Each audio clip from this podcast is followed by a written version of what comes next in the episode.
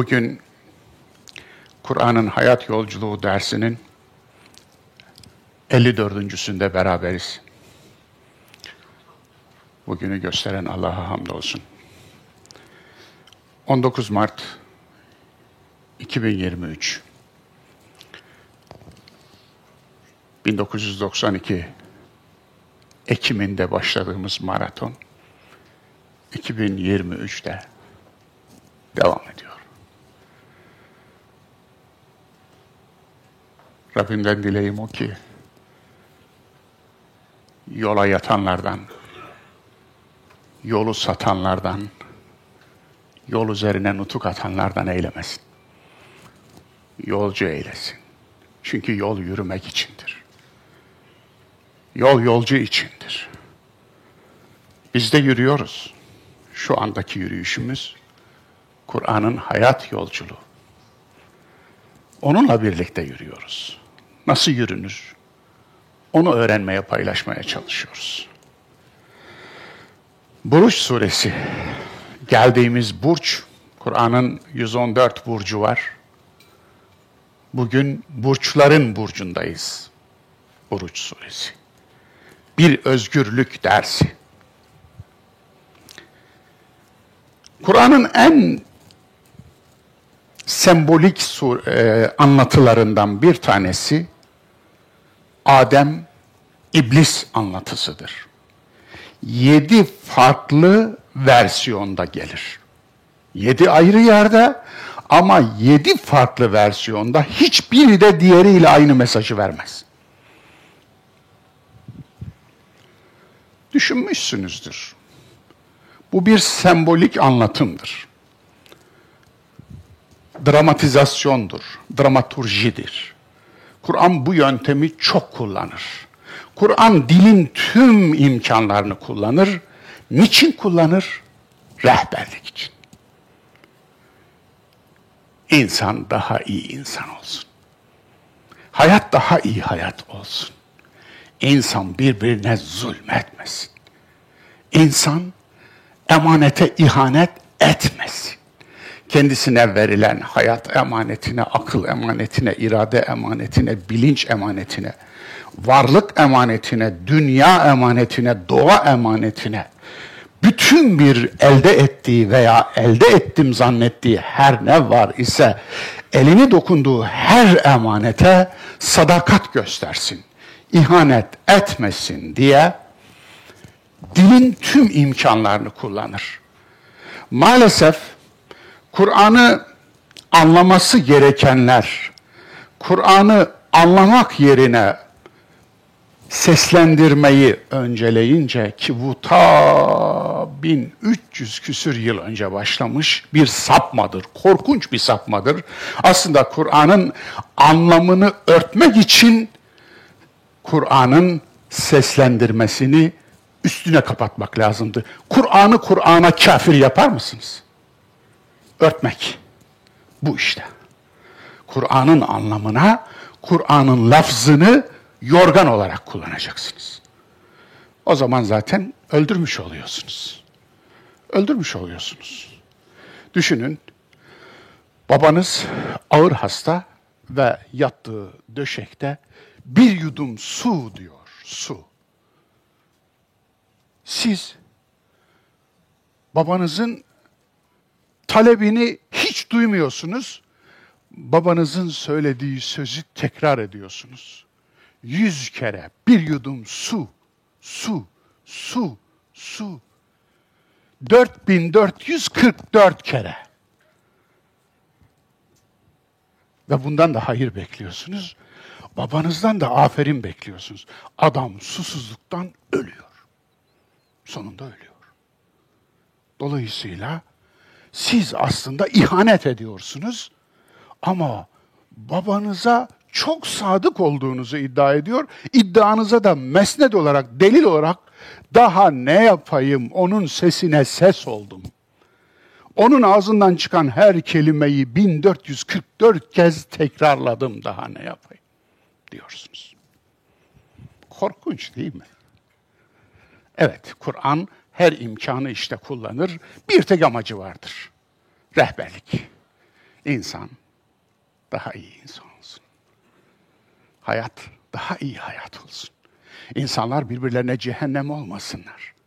Hayatı cehennem etmesinler. Adem İblis kıssası da işte bunlardan biri. Sembolik anlatımlardan biri. Belki sembolizmin dibini bulan bir anlatım. Şunu sormuşsunuzdur belki. Cennette şeytanın ne işi var? Öyle ya, cennete şeytan da girecekse bu kadar niye çalışıp çabalıyor insan ki? Şeytan olarak da cennete girildikten sonra insan olmaya ne gerek var? İyi olmaya ne gerek var? Kötülerin kötüsü de cennete girebiliyorsa iyi olmaya ne gerek var? Peki cennette yasakta mı var? E orada da yasak varsa o zaman burayla ne farkı var? Niye isteyeceğiz ki? O zaman cennet olmanın özelliği ne? Peki cennette insan ayartılacak mı? Yoldan çıkarılacak mı? E çıkarılacaksa o zaman ne fark kaldı ki? Vesaire. Görüyorsunuz. Soruların arkası gelmiyor. İmam Azam'ın da dediği gibi o cennet dünyada bir bahçe. Aslında bir sembol. Belki o cennet insanın anne karnı. İnsan doğmadan evvel anne karnı gibi bir cennetteydi. Ekmek elden, su gölden. Düşünsenize, hiçbir şey için parmağını oynatmıyor. Yani yiyeceği ağzına geliyor. Hatta damara direkt geliyor, göbekten. Göbekten geliyor. Plasentadan besleniyor. Anne ne yerse annenin yani hortum vantuz gibi çekiyor minerallerini, enzimlerini, vitaminlerini çekiyor. Çekiyor. Hatta hatta o kadar keyfine düşkün ki rahim cennetinde ikiz olursa, tek yumurta ikizi olursa ikinci iz, ikiz birincinin canını da kanını da çekiyor. Yamyam ikiz oluyor. Birinciyi öldürüyor, ikinciden besleniyor. Çok ilginç. Yani daha ne olsun? Ekmek elden, su gölden. Ama dünyaya bir açıyor gözlerini ki bambaşka bir hayat. Evet, ağlayarak doğuyor. Ağlayarak nefes alıyor ilk defa. Yani artık suyun içinde değil, sıvının içinde değil, amniyon sıvısının içinde değil. Bambaşka bir yerde. Artık büyümek gerekiyor. Büyüdükçe öğreniyor öğrendikçe akıllanıyor. Aklı geliştikçe rüştünü ispat etmeye çalışıyor. Ve ve ve ve ve işte o insan ediyor. Embesilken bile insan değil. Onun için insan doğulmaz demişti bir düşürü değil mi? İnsan olunur. İnsan doğulmaz. Evet. Neden? Şimdi hem cennete koyacaksın hem de bir ağaç koyacaksın oraya sakın bu ağaca yaklaşmayın diyeceksin. E sen demesen yaklaşmayacaktı. Dedin, karpuz kabuğu düşürdün aklına. Yani hani adama demişler ya, sakın tilkinin kuyruğunu aklına getirme. İki gün sonra dönmüş demiş ki ya, sen o lafı bana niye verdin? Niye de ki demiş. Sen o lafı verinceye kadar tilkinin kuyruğu benim aklımda hiç yoktu. Sen ne zaman sakın tilkinin kuyruğunu aklına getirme dedin, aklımdan hiç çıkmadı. E şimdi bu ağaca yaklaşma demeseydin, zaten o ağaca yaklaşmayacak. Öyle bir derdi de yoktu. Niye dedin? Dedin, demek ki bir hikmeti var. Hikmeti, mantığı var. Artık dili de yenileyelim. Bir mantığı var. Peki bunu demenin mantığı ne? Sembolik kıssayı çözüyoruz şimdi. İbris Adem kıssasını. O kıssanın ehlileştirilmiş şeklidir Kur'an'da geçen. Tevrat'ta ve Yahudi edebiyatında, dini edebiyatında geçen şey çok acayip. Asla insana layık olmayan, iyiye layık olmayan, iyiliğe layık olmayan, yaratıcıya layık olmayan bir anlatı. Orada bir Lilith var. Lilith kim? Adem'le eş zamanlı olarak yaratılan eşi, tam eşi, eşit, eşiti. Bu önemli. Yani Adem ne ise, ne kadarsa Lilith de o, o kadar. Öncelik sonralık sırası yok. First, second yok. Birinci, ikinci yok. İkisi de aynı. Peki Lilith Adem'e itaat etmemiş. Lilith ne olmuş? İtaat etmediği için şeytan olmuş. Yahudi dini, dini edebiyatındaki Adem kıssasına bakar mısınız? Lilith şeytan olmuş. Ve Lilith Adem'i cennetten kovdurmuş. Niye? Lilith kim? Adem'in eşi. Yani kadın olan eşi. Adem eşlerden erkek olan, Lilith eşlerden kadın olan. Lilith Adem'in şeytanı olmuş. Buradan ne çıkarmışlar? Kadın erkeğin şeytanı. Ya dininiz olmuş bu dininiz. İsrail'le savaşıyorsunuz ha? Siz İsrailiyatla savaşın. Ağzınıza kadar Yahudi dini dolmuşsunuz. Ne, neyin savaşı bu? Onun için Yahudileşme temayülünü yazalı 29 yıl olmuş. Ne diyeyim? 94'te yazmıştım. Belki de elim kırılsın diyeyim. Kim için? Kim için? Değerini bilen için mi? Nerede? Nerede? Baksanıza. Bir diziyle milleti sattılar, satın aldılar. Yalan bombardımanla tuttular. Bu millet için mi? Bu tür için mi? Hasbunallah ve ni'mel vekil. Evet. Dönelim konumuza. Lilith öyle. Ondan sonra bir eş daha yaratmış Tanrı. Bu olmadı. Bu olmadı, bu şeye geldi, denemeydi. Şimdi bir daha. Bu peki ikincisi niye? İkinci hanım niye? Onun adı Havva olacak. Kur'an'da bu isim yok biliyorsunuz. Bu niye? Çünkü o ondan aşağı. O ona itaat edecek. O ona tapacak. Her tarafı kan ve irin dolu olsa, yalasa kocasının her tarafını yine de hakkını ödemiş olmaz mantığı oradan geliyor. Bu korkunç lafı Allah Resulü'nün ağzına yakıştıranlar, Allah Resulüne bundan daha büyük bir hakaret edemezlerdi. Bunu hadis, hadis külliyatında bu. Biliyor musunuz? Ya. Evet. Her neyse. İşte bu noktada Adem'e niye hatırlatıldı? Ağaç. Bu ağaca yaklaşma. Ve yaklaştı. Ve yedi. Yedi. Peki ne oldu? Evet. Kendinin farkına vardı. Yani bir, zaaflarını bildi. Bu zaaflarının daha doğrusu kendini tanıdı. Kendi aslında şehvet gibi iki ucu keskin bir bıçağa sahipti. Cinsellik. Bir güdü, bir güdüler dünyasına sahipti. Bir dürtüler dünyasına sahipti. Müthiş. Ama en büyük nimetin farkına vardı. Neydi o? Seçme yetisi. Seçme yetisi. Yani irade. Kur'an'da 140 kez irade gelir ama irade olarak hiç gelmez. Yuridu turidu, yuridune turidune. Yani hep fiil olarak, hep fiil olarak gelir. Bir tane istisnası yoktur. Çok ilginç değil mi? Kur'an'ın içinde bir mantık vardır. Müthiş bir mantık. Kelimeleri kullanırken bile bu mantığı gözünüzle görürsünüz. Akılda olduğu gibi. Akılda akıl olarak gelmez Kur'an'da. Hep fiil olarak gelir. Yaqilun, takilun. Dolayısıyla nedir bu?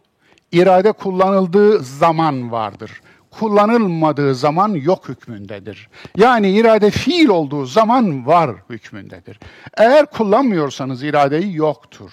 İradesiz adam dediğinizde iradesi olmayan demek değil, iradesini kullanmayan insan akla gelir. Akılsız kişi dediğinizde aklı yok anlamına değil, deli anlamına değil, aklını kullanmayan anlamına gelir. Dolayısıyla irade bu kadar değerli miydi? Evet. İnna aradna el-emanete ales semavati vel ardı vel cibal fe ebeyne en yahmilnaha ve eşfakne minha ve hamilehel insan. İşte bu ayet emanet ayetidir. Bu ayetteki iradeyi Ali bin Ebi Talip selam ona olsun irade olarak anlar. Evet, irade. Yani insanın seçme yetisi seçme yetimiz sayesinde varız. Çok ilginç değil mi? En iradesizi veya iradeye en karşı olanı bile iradesini kullanmadan yapamaz. Akşama kadar seçiyoruz farkında mısınız? Akşama kadar. Yani elbise giyiyorsunuz, şunu mu giyeyim, bunu mu giyeyim? Alın irade. Yemeğin başına oturuyorsunuz, kahvaltıya oturuyorsunuz, şundan mı alayım, bundan mı alayım? Alın irade. Bir bardak mı içeyim, iki bardak mı içeyim? Alın irade. Dolayısıyla işte eve geliyorsunuz. Evde şununla mı başlayayım, bununla mı? İşe gidiyorsunuz, işe şunu mu yapayım, bunu mu? Akşama kadar seçiyorsunuz aslında. Akşama kadar. Dolayısıyla arkadaşlar ısıyı durdurmanın bir imkanı var mı?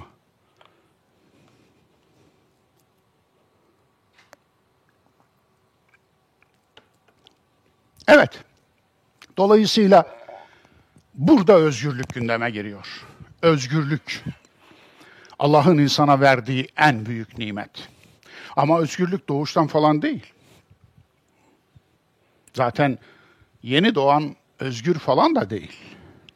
Hatta hatta kölenin de kölesi, embesil. Hiçbir şeye gücü yetmez. Onun için bir anneye mutlak ihtiyaç duyar.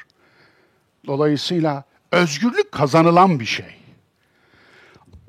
Yani akıl, irade, vicdan, bilinç eş değer biçimde rüştle beraber gelişir. İnsanın olgunlaşmasıyla gelişir. Onun için özgürlük de elde ettiğiniz bir şeydir. Özgürlük nedir? Özgürlük Türkçe bir kelime, öz Türkçe bir kelime özü gürlükten türetilmiş. Özü gürleşme. Özünüzün gürleşmesi. Yani gördüğünüz gibi serbest Farsçada olduğu gibi serbest kelimesinin Farsçada nereden türediği konusu tartışmalı. Yani başı bağlı demek. Nasıl yüzde 180 derece tersine dönmüş, başı bağlı olan nasıl özgürlük anlamına gelmiş o ayrı bir tartışma konusu. Ama freedom biliyorsunuz bu kelimeyi. Bu kelime ta kökü Hint Avrupa dil ailesinin ta Hindistan'a gider, köküne gider. Free. Bu kelime. Luvice'de vardır, Hititçe'de vardır, Yunanca zaten Yunanca'dan geldiği bilinmektedir. Fenikece'de vardır. Batı dillerinin tamamında vardır. İskandinav dillerinde vardır. Efendim Slav dillerinde vardır, diğer dillerde vardır, hepsinde vardır. Freedom malumunuz özgürlük anlamına kullanılıyor. Serbestlik. Hatta hatta geçmişte özellikle 14. yüzyılda bu kelime bugünkü anlamını almış. Ama o güne kadar köleler özgürlüğe kavuşunca yani köleler bu kağılarını çıkarınca, boyunluklarını çıkarınca, ayaklarındaki zincirleri çıkarınca o freedom derlermiş o duruma. Yani fiili ve fiziki bir şey. Ama ondan sonra freedom aslında yine de maddi özgürlük olarak yürümüş. Yoksa Fransız ihtilalinin üçlüsü vardır biliyorsunuz. Liberty.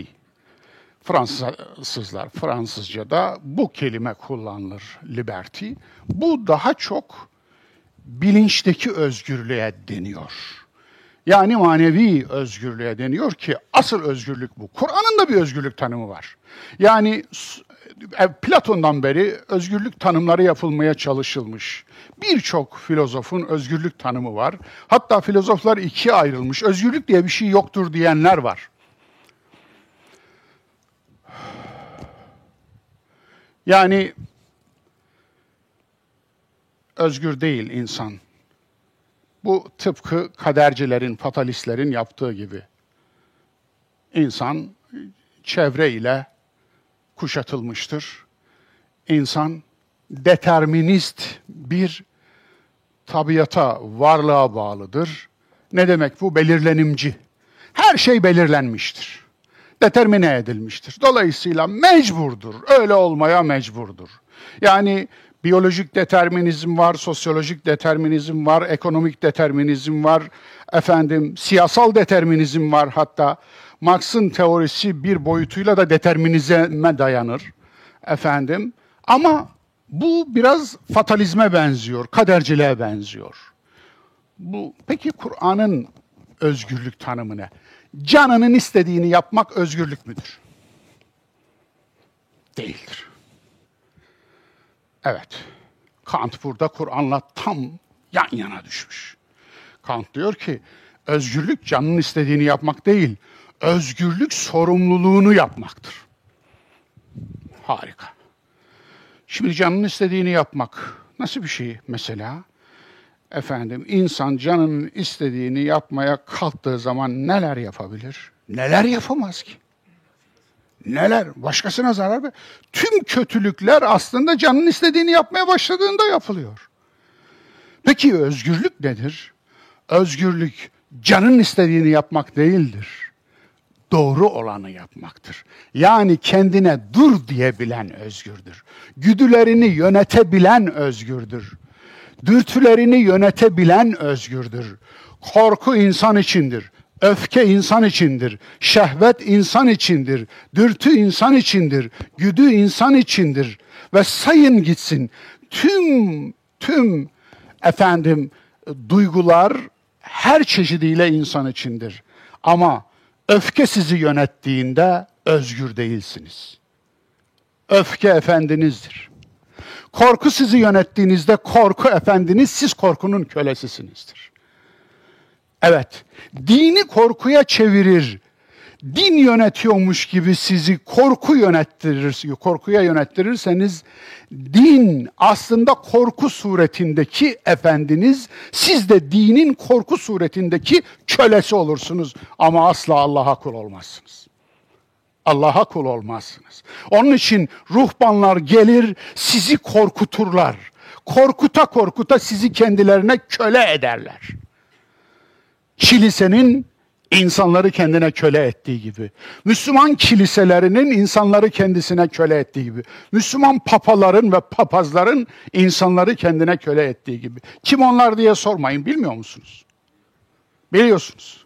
Dolayısıyla fark etmiyor. Ruhban sınıfı her dinde aynı, her coğrafyada aynı. O zaman eğer korkunuza köleyseniz korkunun kölesisiniz. Korku efendiniz. Şehvetinize köleyseniz, şehvet efendiniz, şehvetin kulusunuz, kölesisiniz. Öfkenize köleyseniz, öfke sizin efendiniz. O zaman özgürlük nerede? Özgürlük işte onu yönettiğiniz gün başlıyor. Korkuyu yönettiğimiz, şehveti yönettiğimiz, şehvet muhteşem bir imkandır. Gerçekten muhteşem. Hayatı var eden, insanın soyunu sürdüren, canlıların tüm soyunu sürdüren şehvet güdüsüdür. İyi ki var Allah'a bundan dolayı secde etmek lazım. Ama eğer kötüye alet ederseniz, eğer kölesi olursanız şehvet sizin için korkunç bir efendiye dönüşür. Siz de onun kölesine dönüşürsünüz. Öfke de öyle. Öfke olmasaydı savunma güdünüz olmazdı. Savunamazdınız kendinizi. Korku olmasaydı emniyet alamazdınız, tedbir alamazdınız. Tedbir korku sayesinde var. Ama korku sizi yönettiği zaman korkunun kölesi olursunuz. Bütün bunlar bir nimet aslında. Ama bu nimetler belaya dönüşür mü? Dönüşür. Kur'an'da bir zamanlar bir sempozyumdayız. Ünlü bir doçent, o zaman İslamcı camiada da çok ünlü dergilerde falan yazıyor. Hatta dergi çıkarıyor. Sahneye çıktı. Tebliğini sunarken özgürlük zehirli bir kelimedir. Özgürlük kabul etmiyorum dedi. Kur'an'da özgürlük yoktur dedi. Aa! Şaşırdım. Bu adamlar Kur'an'ı bilmiyorlar ya. Bunların üstadları da öyleydi. Hani öyle diyordu ya şairlerden biri. Ben bu kitabımda onun adını anmadım. Muhammed adıyla anmadım onu. Zira Allah da onu adıyla anmaz. Ya ne der? Habibim der. Allah'ım, Allah'ım hiç mi okumadın ya? ya? Hiç mi okumadın tamam da? Ve bu memlekette İslamcılığın üstadını yaptın sen. Hiç mi okumadın? Muhammed diye bir sure var. Dört yerde Kur'an'da Muhammed ismi gelir. Hiç mi okumadın? Hadi onu da bir, tamam geçtik. Habibim nerede? Kur'an'da bir yerde bir kere Habibi, ya Habibi. Nerede? Yok. Nasılsınız siz ya? Öbürü de Kur'an'da abdest yok diyordu ya. Evet. Bu, ciddiyet bu. Hayır var. Ali İmran suresi sanırım 34 veya 35 efendim.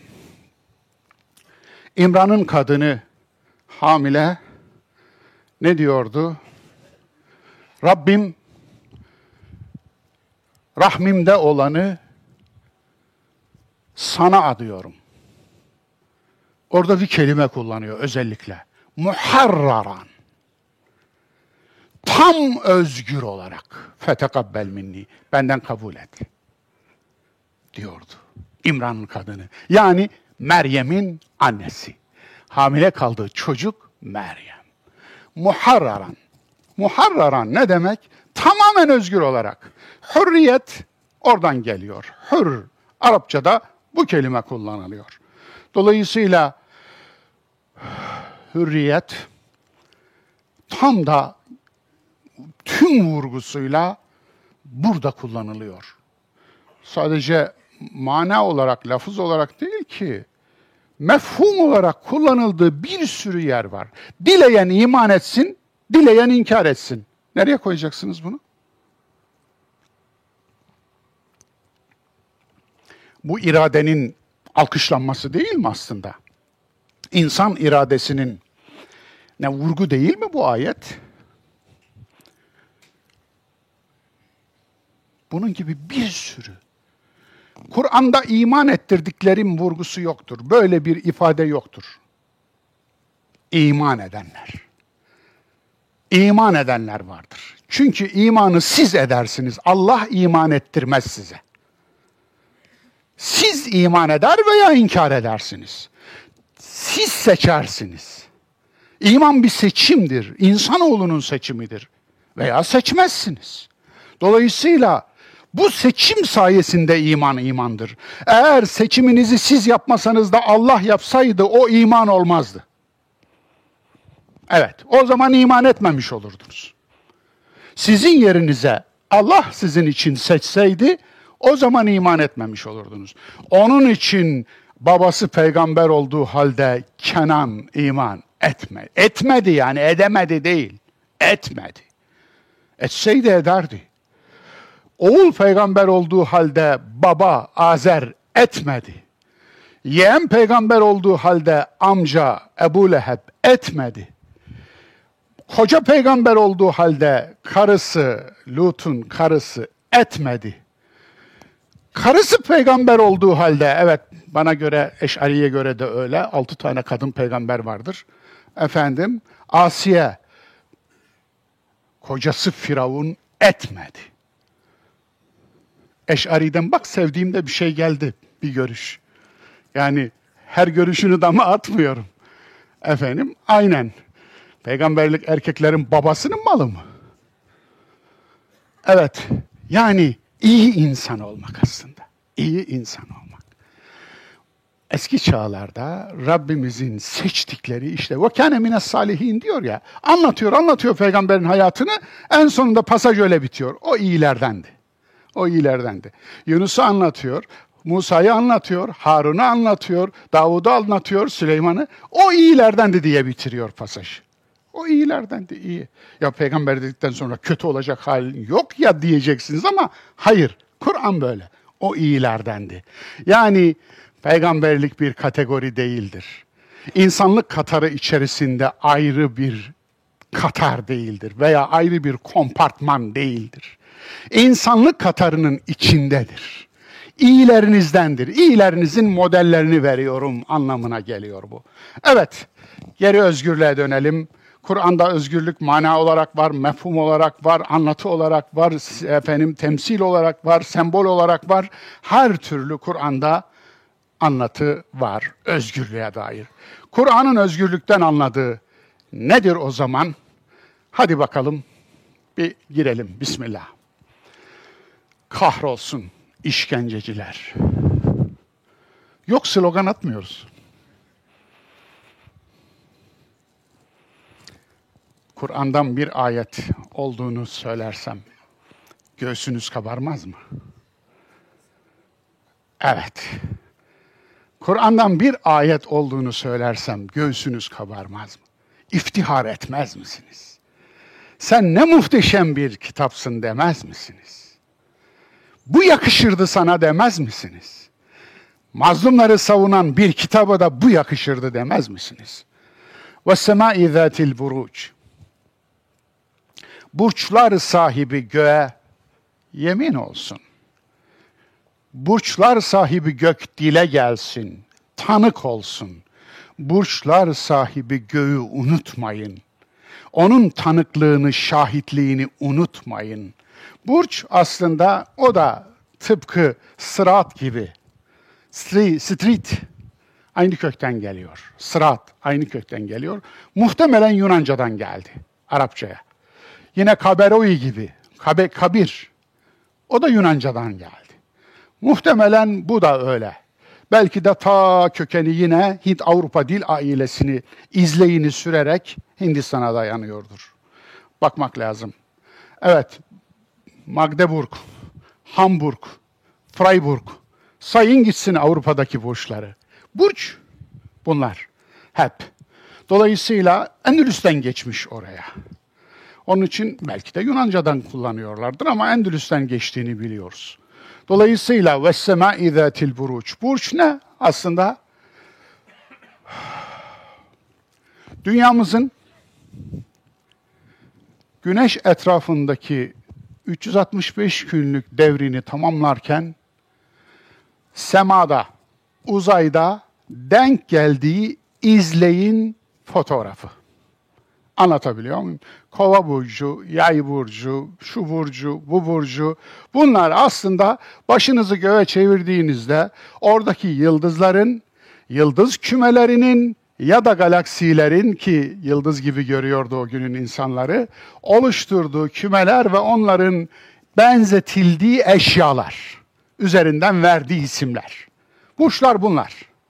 Bu burçlar da sabit değil, onu da söyleyeyim. Astrologlara onun üzerinden kehanet gerçekleştirenlere bir uyarı olsun.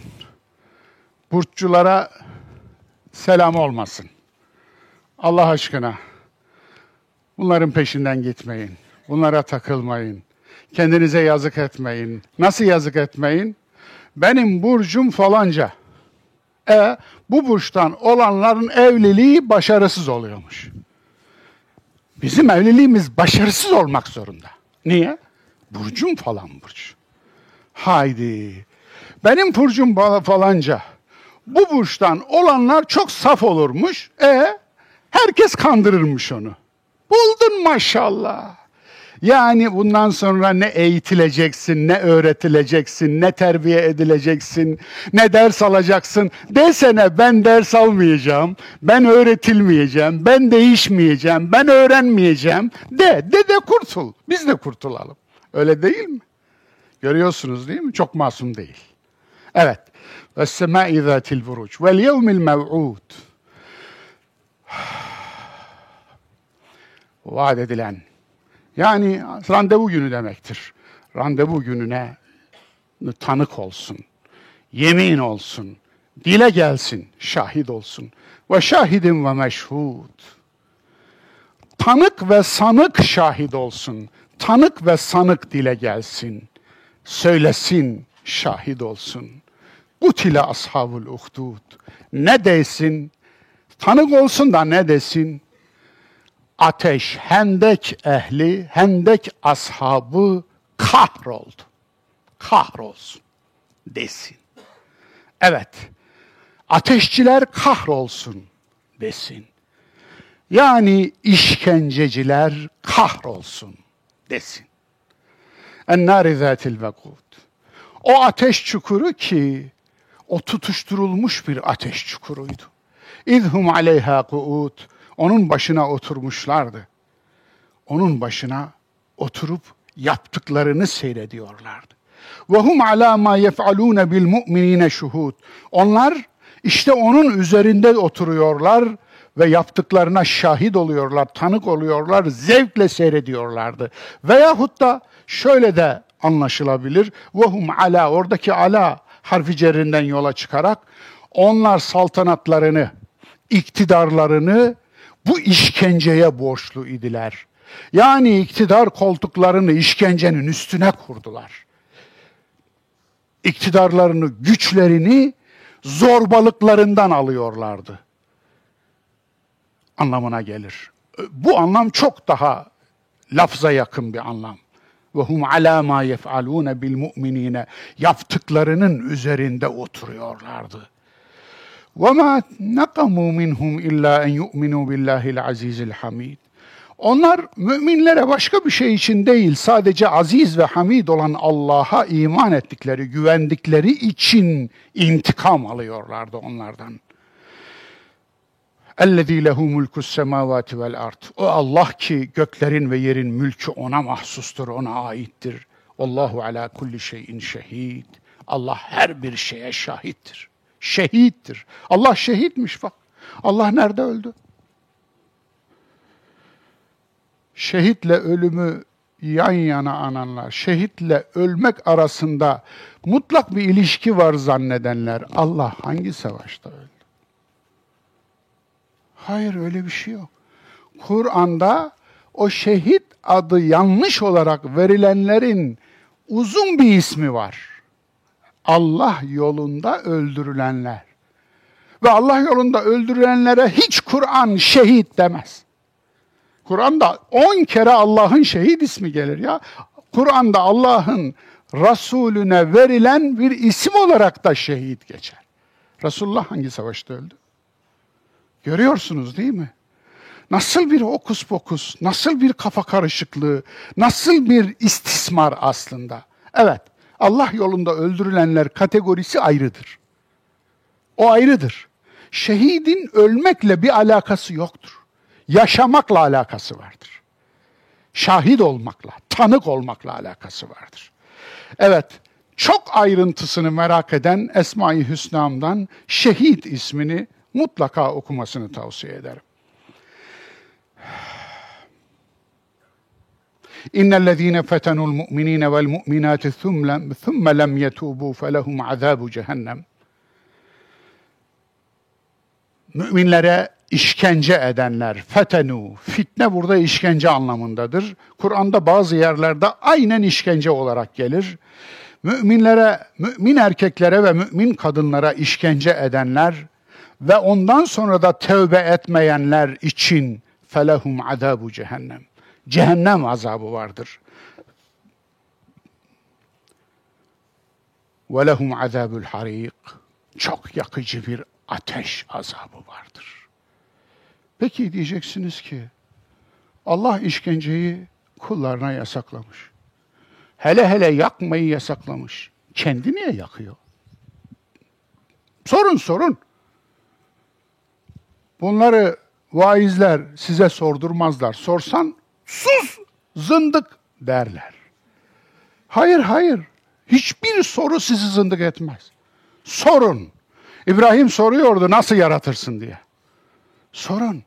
İbrahim soruyordu bunu ben, bu mu benim Rabbim? Güneşe, aya, yıldıza. Niye sormayacaksınız sorun. Allah niye yakarak azap eder? Yanlış anladınız. Yanlış anladık. O öyle değildi dostlar. Öyle değildi. Azap kelimesi o kadar takla atmış ki özellikle kiliseler, insanı yakarak işkence eden kiliseler, dinden döndü diye yakan kiliseler kendilerine Tanrı'yı mazeret kılmak için Tanrı'yı da yakan bir işkenceci olarak kurgulamışlar. Azap kelimesi böyle bir şey değil ki. Nedir biliyor musunuz? Arapçada azap mahrum etmek demek. Ma'ul azb lügatta örnek cümle olarak kullanılan cümle budur. Tatlı su. Niye ma'ul azb demişler? Susuzluğu kestiği için ma'ul azb demişler tatlı suya. Susuzluğu giderdiği için. Yani susuzlukla insan arasındaki ilişkiyi kestiği için. Bakınız örnek cümlede bu. Onun için peki azap nedir? Mahrumiyet birini bir şeyden mahrum etmek. O zaman gerçekte kim yapmış oluyor azabı? Allah mı yapmış oluyor? Haşa. Böyle Allah'ın ateş çukurları var. Atıyor mu içine? Önce yaratıp sonra yakıyor mu? Haşa. Böyle bir Allah'a mı inanıyorsunuz? Böyle bir Allah'a gerçekten inanabiliyor musunuz? Hayır mahrumiyetin, nimetin büyüklüğü mahrumiyetin büyüklüğünü getirir. Ne büyük bir şeyden mahrum olduğunuzu gördüğünüzde içinizde yanan ateş dışınızdaki ateşten daha büyük yakar. Dolayısıyla beş çocuğum var, altı tane torunum var. Aynı arabada giderken Allah göstermesin hiç kimseye, bize de size de Araba kaza yaptı ve tümü de gitti. Tabi annelerini, babalarını da sayalım, damatları, gelinleri de sayalım. Efendim. Bana haber geldi. Söyler misiniz? O sırada elime biriniz ateş yaksa hisseder miyim? Hangi yangın daha büyüktür? İçimdeki mi, elimdeki mi? Hangi yangın? Onun için Kur'an'daki bu ifadeler zorunlu olarak mecazdır. Başka çaresi yok. Senin dilini kullanıyor, insan dilini kullanıyor, Arap'ın dilini kullanıyor. Unutmayın. Arapça Allahça değil. Öyle olsaydı Musa da aynı dili kullanırdı. İsa da aynı dili kullanırdı. İbrahim de aynı dili kullanırdı. Oysa biri İbranice, biri Aramice, biri Süryanice. Gördüğünüz gibi değil. Evet, her peygamber kendi kavminin diliyle gönderilmiştir. Bu, budur.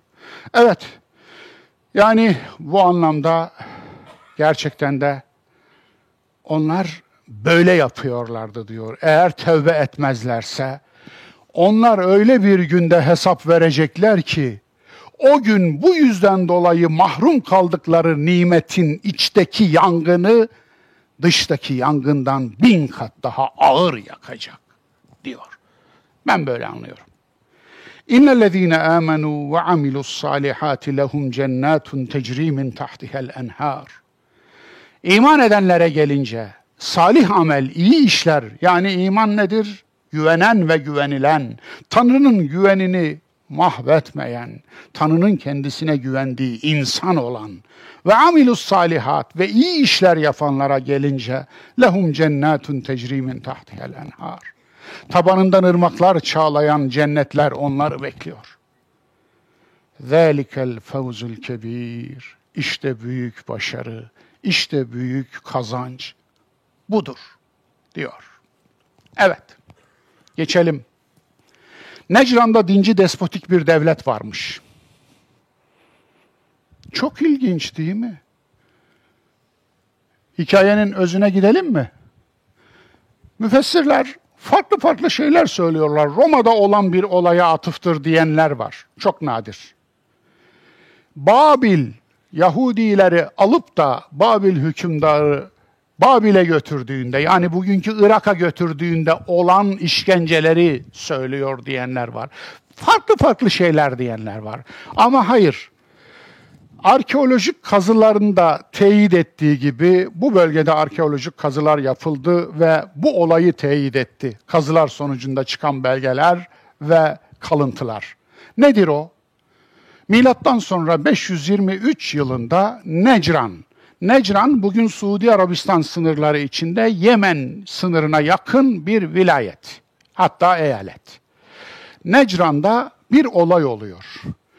Bu olayın kahramanı Zunuvas isimli Himyar kralı, Yemen kralı. Bu kralın dini Yahudi. Yahudi dininden olan bu kral kendi dininin mensupları olan Necranlıların teker teker İseviliğe geçtiğini duyuyor.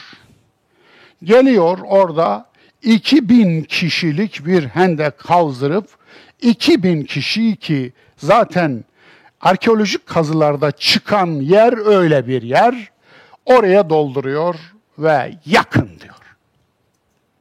Yakın. Ve yaktırıyor.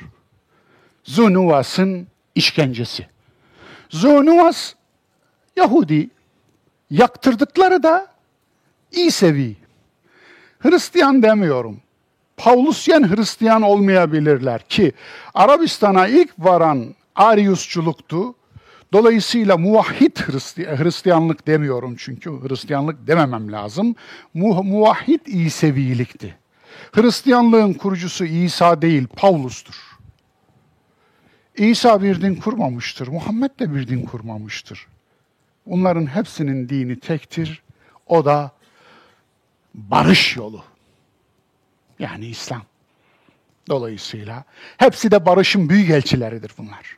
İşte bu manada şunu sorayım size. Kur'an bu işkenceyi yapan adamın kimliğine göre mi bize şey anlatıyor. Mesela bu Hristiyan olsaydı da Yahudilere yapsa oh olsun mu derdi. O zaman yine iyi oh olsun, iyi etmişsiniz, yaksın, kül etsin mi diyecekti. Böyle mi diyecekti? Hayır. Yine böyle değildi. Dolayısıyla bu anlamda buradaki anlatılan hikaye aslında bir işkencenin hikayesi ve insan insana hiçbir bahaneyle işkence edemez. Evet, olay ufku zorla din dayatan işkenceci bir dinci diktatör. Zunuvas. Yakınlar hep birbirini iter mi? Hristiyanlıkla Yahudilik biliyorsunuz birbirine çok yakın. Hz. İsa bir Yahudi peygamberi. Yani İsrailoğulları içinden çıkmış gelmiş bir peygamber. Dolayısıyla onların önce inanması gerekmiyor muydu? Evet onların inanması gerekiyordu. Niye inanmadılar? İnanmadılar. Dolayısıyla yakınlar hep birbirini itiyor görüyorsunuz. Din, mezhep ve ideoloji savaşları tarihi bunu gösteriyor. Bakın Müslümanların arasında savaşlar Müslümanların dışından Müslümanlara yönelik öldürmelerden daha fazla. 1990'dan bu tarafa öldürülen tüm Müslümanların bir istatistiğini yapmışlar. Yüzde 95 birbirlerine, yüzde 5 de dışarıdan. Yani demek ki yakınlar birbirini itiyor dostlar. Onun için bu anlamda bu çok ilginç bir örnektir. Nüzul ortamı Mekke'de inanç dayatan işkenceci çeteler ve işkence. Mekke'de inanç dayatan işkenceci çeteler var. Bu niye anlatıldı? Bu olay niye anlatıldı? Çünkü Mekke'de yaşanıyor. Nedir yaşanan? Yaşanan şu. Müslümanlar Mekke'de vahyin soluğuyla aydınlanıyorlar. Vahyin soluğuyla dirilen insanlar Mekke'de korkunç bir şiddetle karşılaşıyorlar. Özellikle zayıflar, altta kalanlar, azatlı köleler, işkenceye tabi tutuluyorlar. İşte Zinnire, işte Yasir ailesi, işte Sümeyye, işte Ammar, işte Bilal ve benzeri birçok insan Mekke'de bizatihi işkenceye tabi tutuluyorlar. Bu işkenceler öyle ağır işkenceler ki bazen işte Ammar'ın tabi tutulduğu işkencede olduğu gibi çölde ateş gibi kızgın kayaların üstüne yatırılıyor ve resmen yakılıyorlar. Yine Zinnire'ye yapıldığı gibi korkunç biçimde hayvanlar tarafından çektirilerek parçalanıyorlar. Dolayısıyla akla hayale gelmedik işkenceler yapılıyor Mekke'de. Şimdi ve burada neye denk geliyor peki bu? İnanma ya da inanmama için yapılan her türlü zorbalık. Eğer özgürlük söz konusuysa imanın iman olması için insanın inanmama özgürlüğü de olmalı. La ikrahe fid din bu. Dinde zorlama yoktur. Zorlama dinde yoktur. Dolayısıyla zorlamanın olduğu yerde din yoktur. Onun için bu noktada Mekke'deki işkenceleri unutmayalım. Bu ayetler bunun içindi. Sorular. Amaç Hristiyandan yana Yahudi'ye karşı olmak mı? Bu değil. Bunun olduğunu biliyorsunuz. Yoksa taraflardan bağımsız inanç için baskıya karşı olmak mı? Yani inanç uğruna baskı yapılabilir mi? Bir inanca iman etmek için insanları baskı yaparsanız, ensesine silahı dayadınız. Dediniz ki iman et. O da iman etti. Bu iman iman mıdır? Buna iman denir mi? Hayır, denmez. Niye? Çünkü iman kişinin tercihidir. Kişi tercih etmemiş ki. Onu siz zorlamışsınız. Eğer zorlayarak iman ettirecekseniz bu iman zorlayanın imanıdır. Zorlananın imanı değil. Dolayısıyla bunun sonucunda o insan münafık olmuş olur. Münafık da olmaz zorlandığı için mazurdur. Ama eğer bir insanı veya bir insan grubunu zorlayarak bir şeye itiyorsanız, o da korkudan dolayı iman ediyorsa, nur topu gibi bir münafık yetiştirmiş olursunuz. Toplum bu. Onun için yoksa taraflardan bağımsız inanç için baskıya karşı olmak mıdır? Budur. İşkenceyi mübah kılan bir zaruret var mıdır mesela? Yani haramlar belli. Domuz eti haramdır. Ama domuz etinin haram kılındığı yerde bile eğer zaruret halinde ise haddi aşmadan, sınırı taşmadan yiyebilirsiniz. Ayette var bu. Peki en şiddet haramlarda bile zaruret hali var. İşkence için bir zaruret hali var mıdır? Yoktur. İnsan insana işkence edemez. İşkencenin zaruret hali yoktur. Allah, din, iman, vatan, millet, zafer ve ves vesaire işkence için mazeret olmaz. Zira işkence insanın insana tanrılığı, insanın insanın insanı kul etmesi anlamına gelir. İnsanlık tarihinden bazı inanç zorbalığı örnekleri, Sokrat'ın örnekliği. İşte buyurun, bir Sokrat geçti dünyadan ve baldıran zehrini içti. Tanrıları eleştiriyordu, Yunan tanrılarını. Yunan tanrıları her türlü haltı yiyen mitolojide, yani birbiriyle evlenen ensest, şu bu, envai çeşit zulüm, envai çeşit işkence ama yine de tanrılardı. Ve Sokrat bu tanrıları eleştirdi. Eleştirdiği için Sokrat'ı ateist diye astılar. Değildi tabii ki. Sokrat aslında Tanrı'ya yapılan iftiraları eleştiriyordu. Anaksagoras, onu da öyle yaptılar. Onu da ateist diye astılar. Tabii Yunanlıların bir sürü saçma sapan tanrılarına iman etmiyordu. Onun için ona da işkence ettiler. Hatta asacaklardı son anda vazgeçtiler. Aristoteles, Aristoteles'e de ateist iftirasını yapıştırdılar. Çünkü Yunan tanrılarını eleştiren üstadların talebesiydi. Hatta Aristoteles'in bu baskılardan dolayı işte Asos'a kaçtığını biliyoruz. Asos'tan sonra saklandığını biliyoruz ve saklandığı yerde bir rivayete göre kendi nefesini tutarak veya kendini aç bırakarak hayatına son vermişti.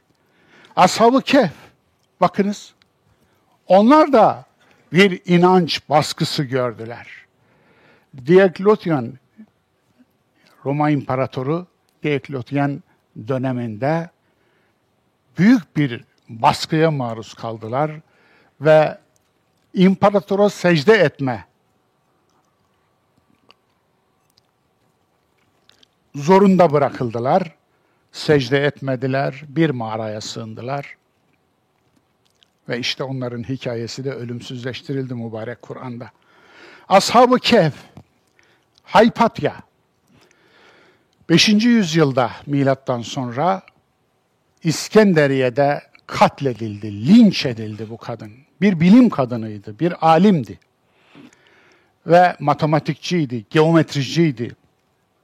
Kim tarafından işkence edildi, linç edildi? Oradaki Hristiyanlar tarafından. Düşünebiliyor musunuz? Daha 200 yıl önce Hristiyanların kendisi işkenceye uğruyorlardı Roma'da. Ama 200 yıl sonra Hristiyanlar başkalarına kendileri gibi düşünmeyenlere işkence edeceklerdi. Haypatya'ya.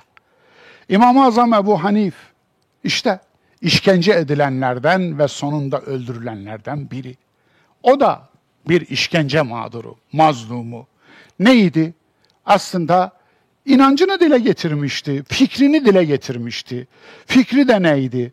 Yani Emeviler kendi ataları hakkındaki ima eden ayetleri böyle yok saymak için veyahut da atalarını temize çıkarmak için Kur'an kadimdir diye bir şey üflemişlerdi. Bunu da Yahudilerden almışlardı. Orada da Tevrat kadimdir diyorlardı. Ve Ebu Hanif bu görüşü reddetti. Allah'ın fiilidir dedi. Kur'an Allah'ın fiilidir. Sen de Allah'ın fiilisin. Ben de kainatta, Kur'an da Allah'ın fiilidir. Dolayısıyla Kur'an'da geçen ayetlerdeki o insanlar öyle mazur değildir. Zalimler zalimdir, mutlaka suçlarının cezasını çekecekler. Kafirler suçlarının cezasını çekecekler. İşkenceciler suçlarının cezasını çekecekler dedi ve dediği için zamanının halifesi tarafından zehirlendi ve öldürüldü. Vezir el-Kündüri mutezili olduğu için beş parçaya bölündü ve öldürüldü. Giordano, Giordano Bruno biliyorsunuz 16. yüzyılda bir alimdi, yaşayan ve ilahiyatçıydı. İlahiyatçıydı. Ama kainatta biz merkez değiliz. Bizden başka bir sürü yıldız var, bir sürü gezegen var dediği için vay sen misin kiliseye aykırı düşünen onu da yaktılar. Direğe bağladılar ve yaktılar. Yani Gonca Kuriş var yine bu geçtiğimiz dönemlerde başına korkunç işkenceler gelerek öldürülen. Afganistanlı Ferhunde var. Yine Afganistan'da korkunç işkencelerle öldürülen böyle bir yığın tarihte inanç mazlumu ve mağduru var. İnanç özgürlüğü ve Kur'an. La ikrahe fid din, kad tebeyyener rüştü minel gay. Dinde zorlama yoktur. Batıl haktan seçilip ayrılmıştır.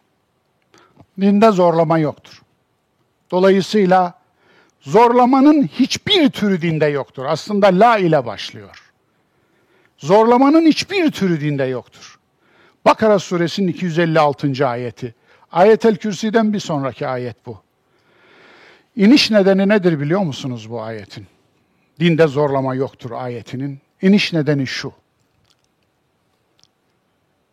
Araplar çocukları doğmadığında Yahudilere eğer bir çocuğumuz doğarsa Yahudilere Yahudi hahamlarına veya Beytül Midras'a medreselerine teslim edeceğiz derlermiş.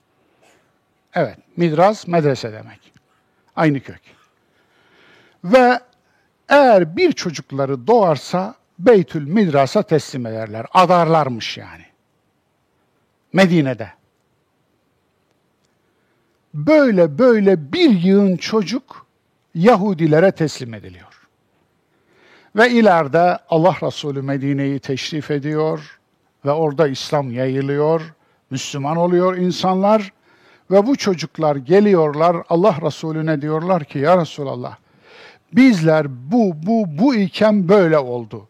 Yani Yahudilere analarımız, babalarımız söz vermişler, yemin etmişler ve bu yeminleri sonucunda bizleri onlara teslim etmişler. Şimdi biz ha babaları annelere affedersiniz çocuklar değil. Babaları ve anneleri. Biz çocuklarımızı bunlara teslim ettik. Şimdi biz iman ettik ya Resulallah. Çocuklarımızı almak istiyoruz. Onlarsa çocuklarımızı kendileriyle birlikte götürmek istiyorlar. Diyorlar, şikayet ediyorlar. Allah Resulü sizce ne cevap vermiştir? Bu anne babalara. Kendilerine sorun. Kendileri neyi tercih ediyorlarsa onu yapın. Yani evet onlar sizin çocuklarınız döve döve alın getirin demiyor. Zorla getirin demiyor. Hak yol bu yoldur, o batıldır demiyor. Ya ne diyor? Kendilerine yani iradelerine bırakın, seçimlerine bırakın. Allah Resulü bunu biliyor. Onun için seçimlerine bırakın diyor. La ikrahe fid din ayeti işte bu sebebi nuzule dayanıyor. Ahlak dinin özgürlük imanın direğidir. Neden? Çünkü özgürlük yoksa seçim de yok. Seçim yoksa iman sizin seçiminiz değilse sizin imanınız yok. Sizin için bir başkası imanı seçemez ki. Onun için akıl ve bali olması, rüştünü ispat etmesi gerekiyor. Zorlayan zorbadır. Dünyanın tüm zorbalarının dini tektir. Münafıklık. Zorlayan zorbadır. İman ve zor, gece ile gündüz gibi aynı anda asla birlikte olmaz. Evet, iman ve zor, gece ile gündüz gibidir. Asla birlikte olmaz. Onun için zor varsa iman yoktur, iman varsa zor yoktur. Bir özgürlük kelimesi, sözleşmesi, kelime-i şehadet. Eşhedü en la ilahe illallah ve eşhedü enne Muhammeden abduhu ve resul. Allah'tan başka Tanrı olmadığına şahitlik ederim, şehadet ederim. Bu bir özgürlük sözleşmesidir biliyor musunuz? Ben şahit olurum ki Allah'tan başka kulluğa layık hiçbir varlık yok. Buyurun. Şehadet kelimesi bu. La ilahe illallah da tevhid kelimesi.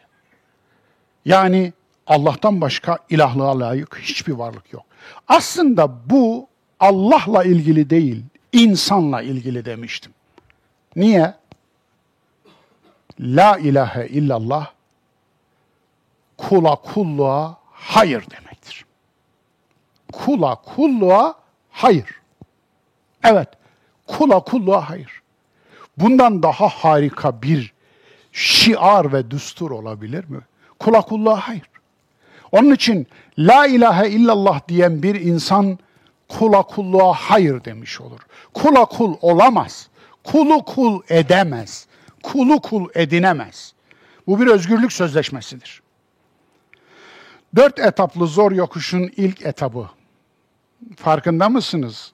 Köleliğe bir aslında karşı duruştu o. Neydi dört yokuşlu etap, Evet, fekkü rakabe. Bir boyunu özgürlüğe kavuşturmak. Ev it'amun fi yevmin zi mesgabe. Bir açı doyurmak. Yetimen zâ makrabe. Bir yetimin yüzünü güldürmek. Ev miskinen zâ metrabe. Ya da bir miskinin sırtını yerden kaldırmak. Bir düşkünü yerden kaldırmak. Thümme kâne minellezîne âmenû. Bütün bunları yaptıktan sonra iman edenlerden. Yani ne diyor aslında? Beled suresinin bu ayetleri 11, 12, 13, 14, 15 ne diyor bu ayetler? Önce insan ol, sonra iman et. Önce insan ol. Dolayısıyla önce insan ol, sonra mümin ol diyen bir Kur'an ile karşı karşıyayız. Dört etaplı zor yokuş budur. Şarkta iman istisna, itikat kuraldır. Çünkü özgürlük istisna, tebalık kuraldır. Özgürlüğün kardeşi eşitliktir. De ki ben de sizin gibi ölümlü bir beşerim diyen ayet bunu söylüyor. Kul innema ene beşerum mislukum. Ben de sizin gibi ölümlü bir beşerim. Bu ne biçim elçi diyorlardı değil mi müşrikler? Mali hazer rasul ye'kulu ta'am ve yemşi fil esvak. Yiyor, içiyor, çarşı pazar dolanıyor. Şeyhin birinin bir sözünü okumuştum. Ben bugüne kadar daha ekmeğin kaça satıldığını bilmem, bir kez bile çarşıya gitmedim. Bu övünülecek bir şey mi? Allah aşkına bu övünülecek bir şey mi? Peygamberimiz bakınız çarşı pazar dolaşıyor diyorlar. Yiyor, içiyor diyorlar. Ekmeğin fiyatını bilmiyorsan senin bu halka vereceğin ne var ki? Ne var ki? Yani demek fil dişi kulenizde yaşıyorsunuz, başkalarını da teba olarak, sürü olarak görüyorsunuz. Demek ki böyle bakıyorsunuz. Onun için demek ki peygamberden daha üst mertebede görüyorsunuz kendinizi bununla övündüğünüze göre. Çarşıya pazara gitmedim diye övündüğünüze göre peygamberlerden daha üst bir mertebede görüyorsunuz. Onun için Furkan 7'yi unutmamak lazım. Özgürlük peygamberi. Ya eyyühellezine amenu dhulu fissilmi kâfe. Ayete bakar mısınız? İslam kelimesinin kavram anlamı üzerinde çok tartışılır. Yani ne manaya geliyor? Teslimiyet manasına mı geliyor? Barış manasına mı geliyor? Yoksa daha farklı manalara mı geliyor? Kurtuluş manasına mı geliyor? Aziz dostlar, İslam kelimesinin türetildiği kök silmdir. İstislam değil. Çünkü Arap dilinde bir kural vardır. Ziyade harfler bir kelimenin içine girerse o kelime kaynağından o harf kadar uzaklaşır. Evet. Bir kelimenin kaynağı üç harftir. Ona sülasi mücerret denir. İslam kelimesinin kaynağı seleme. Bunun da mastarı silm. Silm de barış anlamına gelir. Bu sadece dilsel bir yorum değildir. Aynı zamanda İslam kelimesinin açılımı Kur'an'da ayrıca ayet olarak var. Nedir? Ey iman edenler! İmanınızın ispat etmek istiyorsanız üdhulu fissilmi kâffeten barışa tam olarak girin. Evet burada barış olarak geliyor bakınız İslam olarak da gelmiyor. Fissil mi kâfeten. Barışa tam olarak girin. Dolayısıyla yarım girmeyin yani. Yarım yamalak girmeyin. Tam barışa girin. Ve la tettebi'u hutuvati şeytan. Şeytanın adımlarına uymayın. İnnehu lekum aduvun mubin hiç kuşku yok ki o sizin ap açık düşmanınızdır. İslam istislam değil silmdir demiştim. O zaman Müslüman nedir? Barışın elçisidir. İslam da Allah'ın barış projesidir. İnsanın kendisiyle, insanın insanla, insanın tabiatla, insanın varlıkla, insanın yer ve gökle, insanın Allah'la, insanın tabi olduğu bütün bir varlığın kendisiyle her şeyin her şeyle barışı sistemine İslam diyor Kur'an. Darüsselam, barış yurdu. Allah sizi barış yurduna davet eder. Evet. Yani aslında barışın hakim, İslam'ın hakim olduğu yurda Kur'an'ın verdiği isim barış yurdudur. Peki Darüsselam. Hatta Tanzanya'nın başkenti miydi Darüsselam? Evet, hala Darüsselam'dır Tanzanya'nın başkenti. Peki biz topraklarımızı, ülkelerimizi, coğrafyalarımızı barış yurdu edebildik mi? Darüsselam edebildik mi? Neden edemedik? Niye edemedik? Bunun üzerinde düşünmek lazım. Bunun üzerinde durmak lazım. Bunu sağlamak lazım. Barış yurdu etseydik, şimdi Akdeniz mezar olur muydu? İnsanlar güneyden kuzeye geçmek için canlarını kelleyi koltuğa alıp denizde boğulma pahasına çocuklarıyla, çocuklarıyla efendim her şeyleriyle bırakarak böyle yollara dökülüp ölüme kucak açarlar mıydı? Bu olur muydu? Olmazdı arkadaşlar. Niye böyle peki? Bir daha düşünelim üzerinde. Yani biz niye böyle olduk? Topraklarımızı niye yaşanmaz hale getirdik? Niye ülkelerimiz barış yurdu olmak yerine savaş yurdu oldu? Ülkelerimiz niye barış yurdu olmak yerine her türlü hilenin, hurdanın, zulmün, işkencenin, diktatörlüğün, krallığın, şunun bunun geçerli olduğu ülkeler, topraklara dönüştük. Neden oldu? Bunu bir daha düşünelim. Evet. Veda hutbesi bir insan özgürlüğü dersidir biliyor musunuz? Veda hutbesi tek hutbe değildir. Genellikle yanlış bilinir. Üç hutbenin birleşmişidir. Allah Resulü önce ilk hutbeyi şeyde verdi, Arafat'ta. Sonra Müzdelife'de, sonra Mina'da bir hutbe daha verdi. Daha sonra Kabe'nin içinde de bir hutbe verdi Kabe'de, Harem-i Şerif'te. Dolayısıyla bu hutbelerin bir kolajıdır aslında veda hutbesi. Ama veda hutbesi sahih bir metindir. Ve orada ne diyordu Allah Resulü?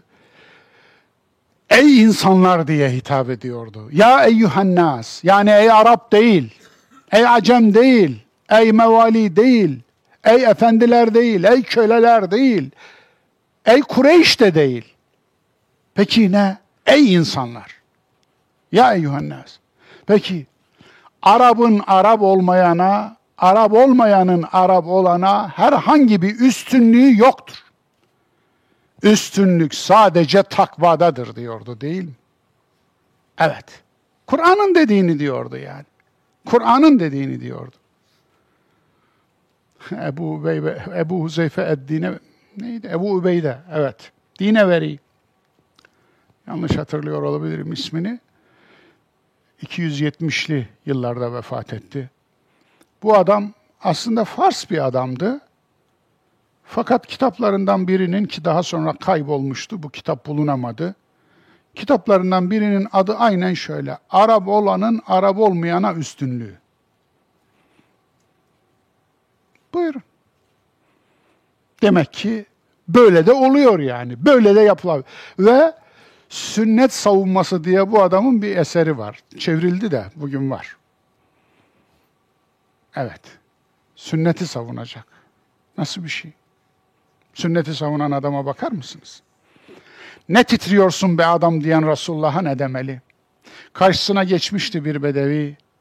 Onu kral zannediyordu. Böyle titremeye başladı. Ben de senin gibi kuru et yiyen bir kadının oğluyum. Ne titriyorsun be adam? Ben Kaiser ve Kisra değilim. Yani Bizans imparatoru değilim. İran şehinşahı değilim demişti. Ne dersiniz? Allah Resulü. Zaten onun için bir bedevi de gelmişti. Hanginiz Muhammed demişti. Çünkü Allah Resulü'nün özel bir kıyafeti yok. Allah Resulü'nün özel bir e, tahtı yok, tacı yok. Özel bir yeri yok, özel bir şeyi yok. Yani içinde bulunduğu toplumdan onu başkalaştıran, farklılaştıran bir şey yoktu. Onun için hanginiz Muhammed diyordu. Ama onlar müşriklerin çocukları değil dediği durumu biliyor musunuz? Efendim değil mi diyen sahabeye bir savaşta müşriklerin çocuklarını da öldürdüler. Çocuk öldürdüler. Savaş. Peki ne oldu? Allah Resulüne geldiler, durumu söylediler çocuklarımızı öldürdüler ya Resulallah. Savaşta çocukları öldürdüler. Allah Resulü sordu onlara, siz böyle mi yaptınız? Savaşta çocuk mu öldürüyorsunuz? Onların savunması şu, ama onlar müşriklerin çocukları değil mi ya Resulallah? Yani babaları müşrik, müşriklerin çocukları. Ölse ne olur? Resulullah'ın onlara verdiği cevap, inanın dillere destan olmalıydı. Neydi bu cevap? Sizin en iyileriniz de öyle değil miydi? Yani bir zamanlar siz de müşriklerin çocukları değil miydiniz? Peki bunlar bilgimizde bile yok. Bize anlatılan dinin içinde bunlar öğretilmedi bile. Allah Resulü'nün bu sözlerini bilmiyoruz bile biz. Bu örnekleri tanımıyoruz bile. Birçoğumuz yeni duyuyor böyle bir şey olduğunu. Niye? Algıda seçicilik. Dini eğer siz barış olmaktan çıkarır, savaş dini haline getirir. O savaşı da savaş ahlakından çıkarır, çocukları bile öldürecek kadar gözünüz dönerse siz bunları unutturmak zorundasınız. Peygamberinizin söylediği bu sözleri unutturmak zorundasınız. Bunları anlatmazsınız artık. Algıda seçicilik. Cahiliye liyakatin yerine körü körüne itaati koymuştu. Evet, cahiliye böyleydi. Liyakatin yerine körü köre itaati koymuştu. Onun için itaat edenleri istiyordu. Eğer ateşe girselerdi bir daha ebediyen çıkmazlardı diyen Resulullah niçin dedi bunu biliyor musunuz? Bir komutan seçmişti bir seriyeye. Komutan askerlerine biraz da böyle efendim hava civa olsun diye ateş yaktırmış Hadi bakalım Allah Resulü beni size komutan seçti, ne dersem yapacaksınız. Girin şu ateşe demişti. Onlar da reddettiler bunu. Demek ki iyi yetişmişler sahabe. Dönünce Allah Resulüne bu anlatıldı. Allah Resulü ne buyurdu biliyor musunuz? Eğer o ateşe girselerdi ebediyen bir daha çıkamazlardı. Eyvallah. Ömer'in valisine çıkışına ne dersiniz ya? Anaların özgür doğurduğu insanları köleleştirmekten utanmıyor musunuz diyordu valilerine. Evet. Kahrolsun işkenceciler diyen bir kitap göğsünüzü kabartmaz mı? Kabartmıyorum. İnsanlığın onuru işkenceyi yenecek sloganı yokken Buruç suresinin 5. ayeti vardı. Bu ayeti unutmayın ne olur. Can yakan soru. Bir insan hem bu kitaba iman edip hem işkenceyi savunabilir mi? Savunamaz dostlar. Hem bu kitaba iman edip hem de işkenceyi savunamaz. Eğer savunuyorsa bu kitaba iman etmiş olmaz. İşkenceye bahane yapılan her inanç, düşünce ve ideoloji şeytanidir. Rahmani değildir. Gerçek müminin zalimlerden başka düşmanı yoktur. Evet, gerçek düş müminin zalimlerden başka düşmanı yoktur. Kim diyor bunu? Kur'an diyor. Kur'an diyor. Onun için zalimlerden başkasına düşmanlık yoktur. Evet, Bakara suresi 193. ayet. Ve huvel gafurul vedud. Bu ayeti dile getirmezsem olmazdı. Bu surenin 14. ayeti. O Allah ki çok bağışlayıcı ve çok sevendir. Ayetin bağlamla ilişkisi işkenceci sadistler sevgisizliğin rahminden doğar anlamına geliyor. Yani işkenceci bir insan nasıl işkence edebilir hem cinslerine, insana? Bir insana işkence bütün bir insanlığa işkence gibidir. Aslında temelinde sevgisizlik yattığını söylüyor. 14. ayet. Kur'an'da iki yerde gelir bu isim Vedud ismi. Biri buradadır. El Vedud. Ne demektir biliyor musunuz? Bu kalıp Arap dilinde feul kalıbı hem ismi fail hem ismi mef'ul. İki anlamı birden taşır. Hem nesne hem özne. Ne demek? Hem seven hem sevilmeyi isteyen. Allah bakınız Haliktir, yaratır, yaratılmayı istemez. Allah cebbardır, zorlar, zorlanmayı istemez. Allah Rahmandır, rahmet eder, insandan merhamet istemez. Allah kerimdir, cömerttir. İnsana cömertçe davranır ana insanın kendisine de cömertlik yapmasını istemez. Böyle bir şeye ihtiyacı olmaz. Ama bir konu gelince Allah hem sever hem de sevilmeyi ister. Vedud. Niye ister? Allah bizim de kendisini sevmemizi niye ister? Bu çok önemli bir husus, altı çizilesi bir husus. Bu sevginin neliğinden kaynaklanıyor. Sevgi aslında Allah'la insanın karşılıklı birbirlerinden istediği bir fiildir, nadir bir fiildir. Sevin diyor. İnsanı sevin, varlığı sevin, beni de sevin. Niye? Allah sevgidir çünkü. Allah isimli kitabımda Allah kelimesinin dokuz versiyonunu anagram diyorlar bunlar buna ecnebiler. Yani Allah kelimesinin harflerinin yer değiştirmesiyle elehe, levehe, leheve, velehe, vehele yani böyle dokuz kombinasyon çıkıyor. Kombinasyon. Bu dokuz kombinasyonun dokuzunu da Arap dili açısından inceledim. Dokuzunun da sonucunda ortak şey sevgi çıktı. Çok ilginç. Arap dilinde böyle bir özellik var, anagram özelliği. Onun için Arap dilinin ilk ansiklopedik lügatı, ilk lügatı daha doğrusu Halil bin Ahmet el-Ferahidi'nin Ferahidi'nin Kitabül Aynı. Yedi ciltliktir. Muhteşemdir. Halil bin Ahmet 150'de ölmüştür. İmam-ı Azam'la aynı yıl ölmüştür. Düşünün. Bu adamın yazdığı kitap ayınla başladığı için Kitabül Ayın denmiş. İlk sözlüktür. Ve bu sözlük bunun üzerinedir. Kelimenin kökken üç harfini alır, onların anagramını kullanır aslını bulmak için. Bu kelimenin ta ilk manası neymiş? Böyle bulunur Arap dilinde. Allah kelimesinin aslının manasının da sevgi olduğu ortaya çıkıyor. Dolayısıyla sevgi gerçekten de yakışır mı? Yakışır. Sevgiyi nasıl izah edebilirim ki? Kalbin tohumu sevgidir. Muhabbet. Habbe.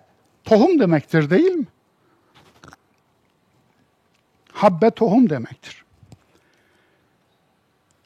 Tıpkı bedenin bir tohumu olduğu gibi sperm, yumurta, kalbin de bir tohumu var. Ruhun da bir tohumu var. Aklın, iradenin, vicdanın da bir tohumu var. O sevgidir işte. Sevgi aslında sadece canlı varlıkların, akıllı varlıkların paylaştığı bir şey değil. Sevgi bütün bir varlığın paylaştığı bir şey. Allah'ın sevgisi yarattığı her şeyde vardır, görünür. Peki sevgi cansız varlıklarda nasıl görünür? cazibe şeklinde görünür. Sevgi cazibedir. Cazibe çekimdir. Bakınız, eğer sevgi olmasaydı gök sistemleri olmazdı. Bakınız, güneşin bir çekim gücü var. O çekim gücü etrafında dünya yörüngesine oturuyor ve hayat buluyor. Yeryüzü bir cennet gibi insanoğluna hayat sunuyor. O çekim gücü sayesinde. Böyle milyarlarca, belki katrilyonlarca yıldız sistemi var. Çünkü çünkü trilyonlarca galaksi var. Hala evrenin yüzde dört buçuğunu gözlemleyebiliyoruz unutmayın. Dolayısıyla sonsuz gibi, sonsuz değil tabii, sonlu bir evrende kozmik cisimlerin tamamı cazibe üzerinde duruyor. Peki küçültüyoruz. Ta atoma kadar iniyoruz. Atom bütün bir maddi varlığın çekirdeği, habbesi, tohumu. Peki atom nasıl atom oluyor? Yine cazibe sayesinde. Atomun biliyorsunuz içeriği nötron, proton, elektron. Üç tane içeriği var. Tüm atomlarda.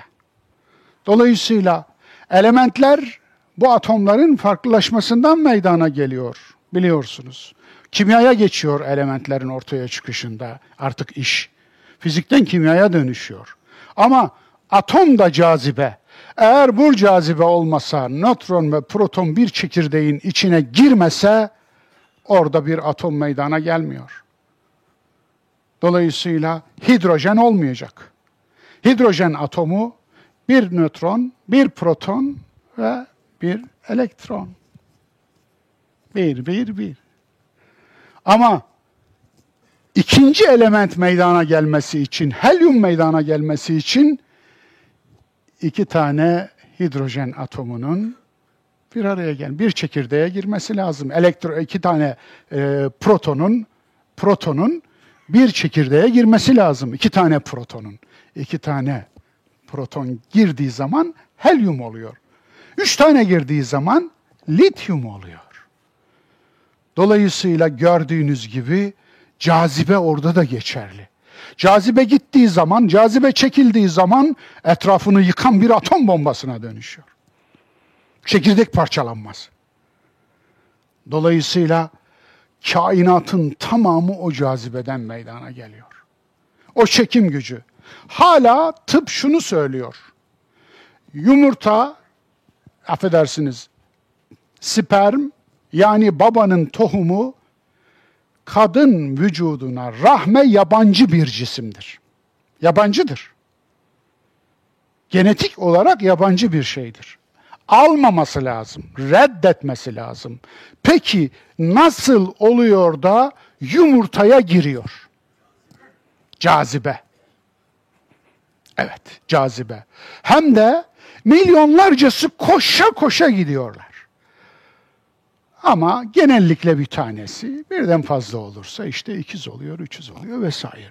Ama gerçekten o koruyucu, yumurtanın o koruyucu kabuğunu nasıl açtığı tıbben şu anda dahi açıklanamıyor. Yani normal olan reddetmesi. Ama etmiyor. Dolayısıyla cazibe orada da geçerli. Gördüğünüz gibi sevgi her yerde. Peki sevgi her yerde ise bu savaş niye? Bu istemezlik niye? Bu kin niye? Bu husumet niye? Bu çatışmalar niye? Bu insanın insana yaptığı işkenceler niye? Kötülük niye? Evet dostlar, hepsi de yine başa geldik. Öfkenizi kontrol edebiliyorsanız, şehvetinizi kontrol edebiliyorsanız, kininizi kontrol edebiliyorsanız, korkunuzu kontrol edebiliyorsanız, husumetinizi kontrol edebiliyorsanız insansınız. Dolayısıyla kendinizi kontrol edebiliyorsanız insansınız. Kendimizi kontrol edebiliyorsak insanız. Sevgi iyileştirir, kin ve nefret hasta eder ve hasta toplumlar çıkar. Sevginin çıktığı yürek cennet, nefretin çıktığı yürek cehennemdir. Dolayısıyla insan cennetini ve cehennemini içinde taşıyor. Daha önceki suredeki ayeti hatırlayın. فَاَلْهَمَهَا فُجُورَهَا وَتَقْوَهَا Ona fücuru da, takvayı da ilham etti. Yani insan içinde hem cennetin tohumunu taşıyor hem cehennem. Hangisini sularsa onu büyütüyor. Eğer cennet tohumunu sularsa cennet ağacı oluyor, tuğba oluyor. Cehennem tohumunu sularsa zakkum oluyor ve cehennem ağacı oluyor. Rabbim içimizdeki cennet ağacını sulayan, o suladığı cenneti yanında taşıyan ve gittiği yeri cennete dönüştüren güzel insanlardan eylesin. Amin. Evet, geldik eklere. Öncelikle Allah Resulü buyuruyor ki El-gina rukyetü zina. Müzik, çalgı zinayı çağrıştırıcıdır. İnsanı zinaya iter buyuruyor. Hatta başka bir hadis-i şerifinde olması lazım yine Allah Resulü'nün. İnsan diyor müzikle meşgul olduğu zaman çalgı aletleriyle işte şarkıcıları, türkücüleri dinlediği zaman diyor omuzlarının üzerine sağa bir şeytan, sola bir şeytan o insan müzik dinlediği zaman başlar ayaklarıyla vurmaya. Ve bu insan bu sefer başlar işte oynamaya, hoplamaya, zıplamaya başlıyor. Allah muhafaza. Müzik aletleri saz olsun, kemence olsun, işte davul zurna, Ramazan'daki bu sahur için kullanma maksatlı değil de düğün Dostlar, kafada sarık, suratta sakal, sırtta cübbe, ağzında Allah Resulü ve ağzında hadis dediğine bakar mısınız? Ben müziği çok severim. Eğer derim Rabbimden eğer benim için ahirette lütufta bulunur da eğer cennetine alacak olursa hiç huriler falan, zaten onlar bayılıyor o işe efendim. Benim bir tek isteğim var müzik. Tuhberun ve yuhberun diye iki kelime geçer Kur'an'da iki ayet. Bunu cennete musiki korosu ile kabul edecek şeklinde tefsir eden kadim müfessirlerimiz olmuş. Ben de aynen katılıyorum. Sadık Bey müziği çok iyi sever. Ümmü Gülsüm'e bayılır. Ümmü Gülsüm'e bayılmaz canım şey o değil efendim. E, Ümmü Gülsüm'ün müziğine bayılır. Ben de Ümmü Gülsüm'ün müziğine bayılırım. Feyruz dinler, dinleyenim mesela ben. Bir Feyruz dinleyenim. Anlatabiliyor muyum? Yani müziğin, iyi müziğin her türünü dinlerim. Blues'dan tutun da rock'a varana kadar ama iyisi olacak, kalitelisi olacak. Anlatabiliyor muyum? Ben Yusuf İslam'ın Maleydi Darbanvilini de dinlerim. Sadece efendim işte o ilahilerini falan değil. Anlatabiliyor muyum? Çok severek dinlerim. Diğerlerini de dinlerim efendim. Onun için ama ömrümde elhamdülillah hiç zina etmedim. Ne olacak şimdi? Ne olacak şimdi? Bu adamlar niye böyle biliyor musunuz? Müzik dinlemedikleri için. Eğer zorlayarak bir şey yaptırmak eğer caiz olsaydı bu adamları böyle iki kişiyi ellerine, iki kişiyi kulaklarına oturtur, şey ayaklarına oturtur. Şöyle güzel bir müziği açar, biraz adam olun, adam, biraz insan olun diye müzik dinletirdi.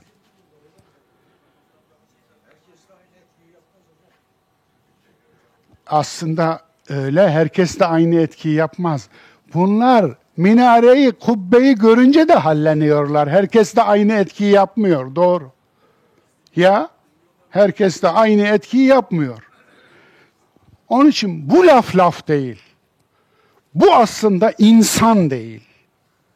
Dolayısıyla niye böyleler sorusunun bir cevabı da bu aslında. Hani öyle diyordu ya Hüseyin'i uçurtmayı ee, neydi kitabın ismi? Efendim, uçurtma avcısı. İnsan olmanıza izin vermiyorlar diyordu. İnsan olmanıza izin vermiyorlar. Evet, müzik iyidir. Müzikten ayrılmayın. Seslerin yaratıcısı Allah'a hamdolsun. Sesleri var eden O'dur. Ve müzik hayatımızın tamamında vardır. Kuşların musikisi, suların musikisi, kedilerin musikisi, yerin ve göğün musikisi, rüzgarın musikisi. Nereye koyacağız bunu? Ritmin olduğu her yerde müzik vardır. Eyvallah. Cin çıkarayım derken can çıkarmış bu arkadaşımız. Konya'da ölümü şüpheli bulunan şahsın cin çıkarma seansında Suriyeli hoca tarafından boğularak öldürüldüğü ortaya çıktı. Evet. Annesinin kılığına girip emekli maaşı alan abimiz 1900 şey, 2017 verilerini karşınıza getirmiştim birkaç yıl evvel. 2017'de ölü anne ve babasının maaşını alanların sayısı 280 bine yakındı. Nasıl buldunuz? Evet. Haram tabii ki. Zehir gibi haram. 84 milyonun hakkını yiyor çünkü. Haraminin daha büyüğü enkazdan mürit devşirendir. Evet. Kendime şey kabul et. Şey. Bu kadar bekle. Mehmet abi. Mehmet abi gel. Gel kardeş. Ağız Hazretleri. Fazla kuvvetli. Ben de çekmek kendimi. Şey. Gel Mehmet abi. Ben duyayım. Ben kabul ettim. Ver Ağız Hazretleri'ne kendime şey kabul et. Şey kabul et. Evet. Şu anda tevbe ettiriyor. Yani biliyorsunuz tevbe ettirmek, günah çıkarmak Hristiyanlıkta olan bir şey. Ama efendim zaten bu da Hristiyanlıktan geçme bir şey. Ve orada tarikata mürit devşiriyorlar deprem alanında, deprem yerinde. Söyleyecek söz bulamıyorum. Gerçekten söz bulamıyorum. Evet. Yani bunu e, biraz zaman istiyor, bunu atlayayım. Kitap önerisi. Bugün size Abdurrahman Şarkavi'nin Özgürlük Peygamberini tavsiye etmek istiyorum. Allah Resulü'nün hayatına farklı açıdan bir bakış, güzel bir eser. Yıllar önce okumuştum, size de tavsiye edeyim dedim. Bugün size bir görsel tavsiyem var. Yönetmen Kyle Patrick Alvarez, 2015 yılında yapılmış bir yapım. Stanford hapishane deneyi. Bu bil fiil gerçek hayatta yaşandı dostlar. Stanford Üniversitesi'nde 15 günlük profesörlerden bir tanesi ki psikiyatri bölümündeydi, psikoloji bölümündeydi, psikiyatrist idi profesör. 15 günlük bir deney yapıldı. Gönüllüler çağrıldı ve bu deneyde yarısı mahkum, yarısı gardiyan edilerek insanların neye dönüşeceği üzerinde bir deney yapıldı. İnsanların 15 günde nasıl kuzu gibi ahlaklı insanlardan canavara dönüştüğü bizatihi gözlemlendi ama asıl canavarın deney yapan hoca da hoca olduğu ortaya çıktı. Dolayısıyla e, ısrarla tavsiye ederim. Çok öğreticidir. Benim kahramanlarım evet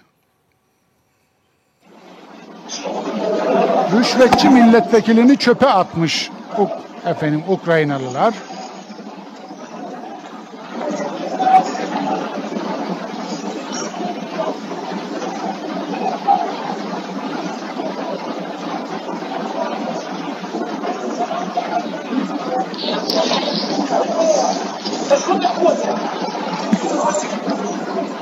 Aslında ait olduğu yere göndermişler. Yani çok da e, garipsememek lazım. Tebrik ediyorum bu milleti, bu halkı. Efendim bunlar bugün benim kahramanım oldular. Kapağını da kapatıyorlar ki etrafı kirletmesin diye. Evet. Benim kahramanlarımdan biri de bu. Enkaz altından altı gün sonra madenciler tarafından çıkarılan müdür. Enkazdan kaçıncı gün çıkarıldınız? Altıncı gün çıkarıldık. Hemen yatağın kenarına diz çöküp eşimi yorgan ve battaniye ile beraber çektim. Altı katlı bina demek ki dört kat üstümüze yıkılmış. Çöktük. Daracık bir yer. Zifiri karanlık. Dua ediyordum sürekli. Allah'a yalvarıyordum. Çünkü başka çaremiz yok zaten. Eşime dedim ki baldırımı kes dedim. Kanımı em dedi. Hiç olmazsa sen hayatta kal dedim. Çünkü benim ön- Neyse altıncı gün en son Zonguldaklı madenciler sesimizi duyuyorsanız üç kere vurun. Hanım heyecandan seriye bağladı. Artık kaç defa vurduğunu hatırlamıyorum. İlk dışarıya çıktığınızda neler hissettiniz? İnanamadım zaten. Çıkar çıkmaz önce bir gökyüzüne baktım. Ne kadar güzelmiş gökyüzü ya. Ne kadar güzelmiş. Biz hiçbir güzelliğin farkında değilmişiz. Yürümenin, koşmanın, hava almanın, insanları görmenin hiçbir şey kıymetini bilmiyormuşuz. Herkesi sevsinler, herkesi ve hiç kimseyi kırmasınlar, incitmesinler. Gerçekten boşmuş bu. Evet. Herkesi sevsinler. Hiç kimseyi kırmasınlar, incitmesinler. Hepimizin deprem altında kalmamız mı lazım? Bunu fark etmemiz için. Aslında deprem altındayız farkında mısınız? Değerli dostlar, burada bir yorumum oldu. Rahatsız olmayın. Yani Allah önce yaratır da sonra çukura atar yakar mı dedim ya. Biz aslında kendimiz zihnimizde kurguluyoruz. Kendimiz gibi zannediyoruz ve kendimize benzer bir şeylere inanıyoruz. Ondan sonra da hiç sorgulamıyoruz. Rahman ve Rahim ne demek? Mesela hiç sorgulamıyoruz. Kur'an'daki şu ayeti. Sebekat rahmeti kulle şey. Rahmetim her şeyi geçmiş. Vesiat rahmeti kulle şey. Rahmetim her şeyi kuşatmıştır. Rahmeti Allah'ın her şeyi kuşatmıştır. Bu her şey içine cehennemde girer mi? Bir daha. Peki Allah'ın rahmetinin girmediği cehennemle girdiği cehennemin arasında ne fark var?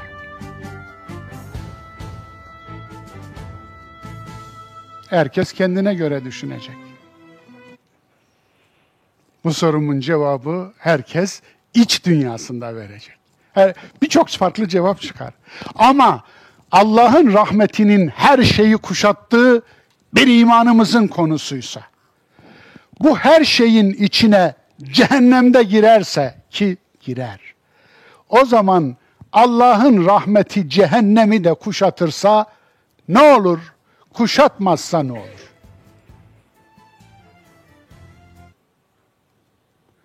Onun için ben aslında burada nasıl baktığımı, nasıl düşündüğümü söylüyorum. Bu benim düşüncem.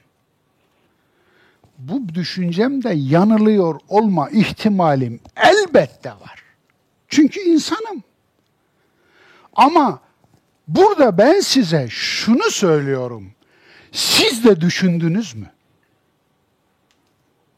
Yani benim dediğime inanın demiyorum. Bu benim düşüncem. Ben böyle inanıyorum. Anlatabiliyor muyum? Ben Rabbimin odun tutup işte kilisenin Engizisyon'da yaptığı gibi odun yakıp üstüne adam atacağını inanmıyorum.